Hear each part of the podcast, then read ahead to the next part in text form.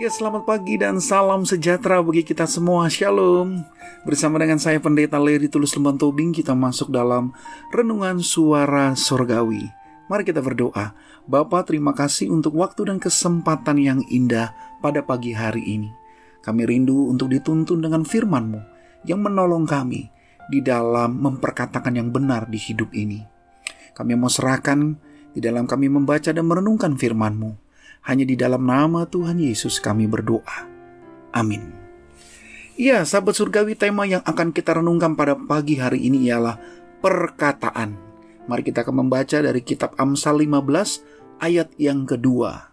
Saya akan membacakan dari terjemahan firman Allah yang hidup. Firman Tuhan berkata, Perkataan orang bijaksana mengajarkan pengetahuan yang benar, tetapi mulut orang bodoh menghamburkan kebodohan.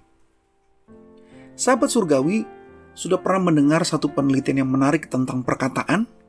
Di mana laki-laki dan perempuan dalam satu hari bisa mengeluarkan berapa banyak kata? Rupanya dari sumber yang saya dapatkan di liputan6.com disebutkan bahwa perempuan dikenal sebagai makhluk yang cerewet dibandingkan pria. Sebab perempuan dalam sehari bisa berbicara 20.000 kata, sedangkan laki-laki hanya 7.000 kata saja ini hanyalah stereotip. Padahal, pada penelitian yang sesungguhnya tanpa memandang jenis gendernya, manusia secara umum dalam sehari dapat mengucapkan kata-kata sebanyak 16.000 kata. Itu berarti manusia adalah makhluk yang membutuhkan komunikasi. Dan apakah komunikasi tersebut benar-benar bermanfaat bagi kehidupan? Atau justru sebaliknya, hanyalah obrolan yang sia-sia, hanya sebatas menilai dan menghakimi orang tanpa lebih kepada membahas hal yang baik dan membangun bagi kehidupan. Nah, karena itu pada kesempatan ini kita perlu merefleksikan bersama dengan bertanya kepada diri kita masing-masing. Apakah yang kita perkatakan di dalam hidup selama ini, bahkan sampai hari ini? Apakah kata-kata kita adalah kata-kata yang membangun dan memotivasi kepada sesama kita, atau anggota keluarga, teman dan sahabat, terlebih tetangga atau orang lain yang tidak kita kenal. Di saat seperti apa pun, kejadian bagaimanapun, apakah kata-kata kita merupakan makian dan merendahkan orang, atau kata-kata kita justru memberi rasa aman dan nyaman? atau kata-kata kita lebih kepada menyudutkan orang dibandingkan menyemangati dan membangun semangat. Marilah kita melihatnya dari kacamata firman Tuhan.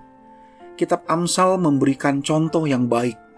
Menurutnya perkataan orang yang bijak mengajarkan pengetahuan yang benar dan perkataan orang bodoh menghamburkan kebodohan.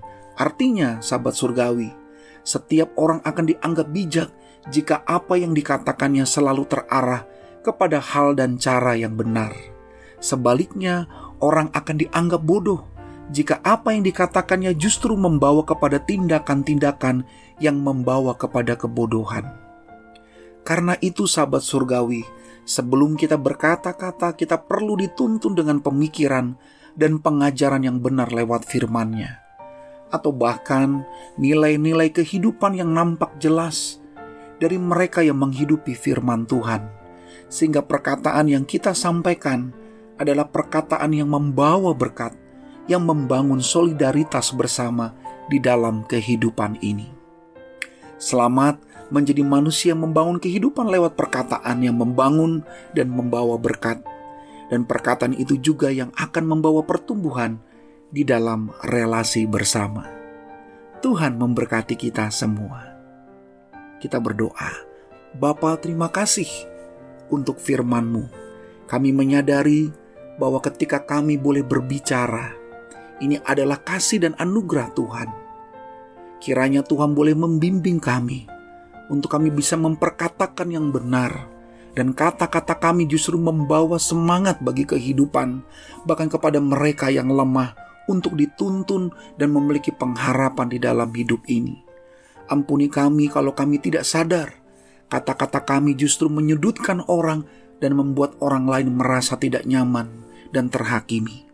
Tapi biarlah kami boleh memperbaiki diri kami dan kami mau menjadi pribadi yang baru sehingga kata-kata kami membawa kemuliaan bagi Tuhan.